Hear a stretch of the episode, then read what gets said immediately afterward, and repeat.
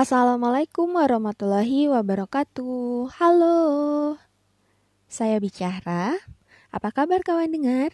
Semoga kalian sehat selalu ya. Eits, sebelum lebih jauh, yuk kita berdoa dan tenangkan diri dulu. Assalamualaikum warahmatullahi wabarakatuh. Halo, saya bicara. Apa kabar kawan dengar? Semoga kalian sehat selalu ya. Eits, sebelum lebih jauh, yuk kita berdoa dan tenangkan diri dulu. Eh woi, kok lu emosi sih? Eh, enak aja, lu datang-datang kok emosi? Eh, tenang-tenang. Itu hanya intro. Coba kita lihat emosi dari sudut pandang Kamus Besar Bahasa Indonesia mengenai emosi ini ada tiga artian. Namun, dalam lingkup kecilnya bisa kita lihat ya kawan dengar, ada dua kelas kata, yaitu kelas kata benda, nomina, dan kelas kata sifat, adjektiva. Kenapa ada dua? Nah, nggak tahu juga ya. Pokoknya, secara umum yang kita tahu misalnya emosi gitu. Pasti orang yang langsung kepikiran tentang marah-marah, kayak kesel gitu kayak pengen mukul aja itu plok plok gitu kan. Nah itu gak salah sih kalau orang mengartikan emosi itu sebagai marah-marah karena dalam kamus besar bahasa Indonesia edisi kelima ini dalam arti ketiga ada loh arti yang menunjukkan bahwa um, emosi itu adalah marah.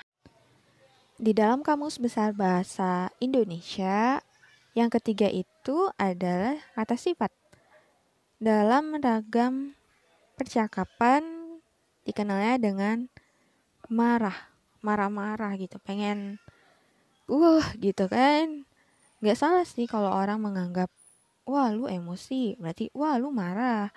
Tapi ada juga loh dalam KBBI ini bahwa pengertian pertama tentang emosi dalam kata benda atau nomina yaitu luapan perasaan yang berkembang dan surut dalam waktu singkat. Jadi misalnya, contohnya kalau misalnya kita melihat tentang marah ya, misalnya tiba-tiba ada yang lagi gosip tentang kita, yang tadi kita santai aja, ya jelaslah kita langsung marah. Ada yang ngomongin di belakang nih. Nah, itu perpindahan atau perbedaan dari perasaan yang tadinya uh, biasa aja, terus berkembang dan surut dalam waktu yang singkat. Lanjut, poin kedua, yaitu keadaan dan reaksi psikologis dan fisiologis seperti kegembiraan, kesedihan, keharuan, dan kecintaan, atau keberanian yang bersifat subjektif. Nah, jadi kalau misalnya melihat dari arti yang kedua ini, emosi itu tuh bukan hanya tentang marah atau ya marah-marah, pokoknya emosi itu ya perasaan yang ada dalam diri kita gitu mau kita senang, mau kita sedih, haru, cinta, ataupun ya marah. Tapi jangan hanya melihat bahwa emosi itu adalah marah ya.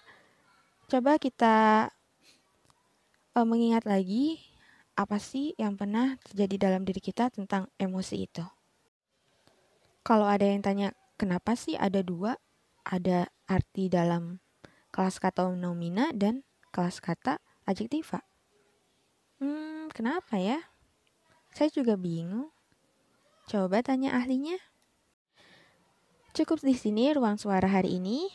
Sampai jumpa di ruang suara bicara selanjutnya. Wassalamualaikum warahmatullahi wabarakatuh.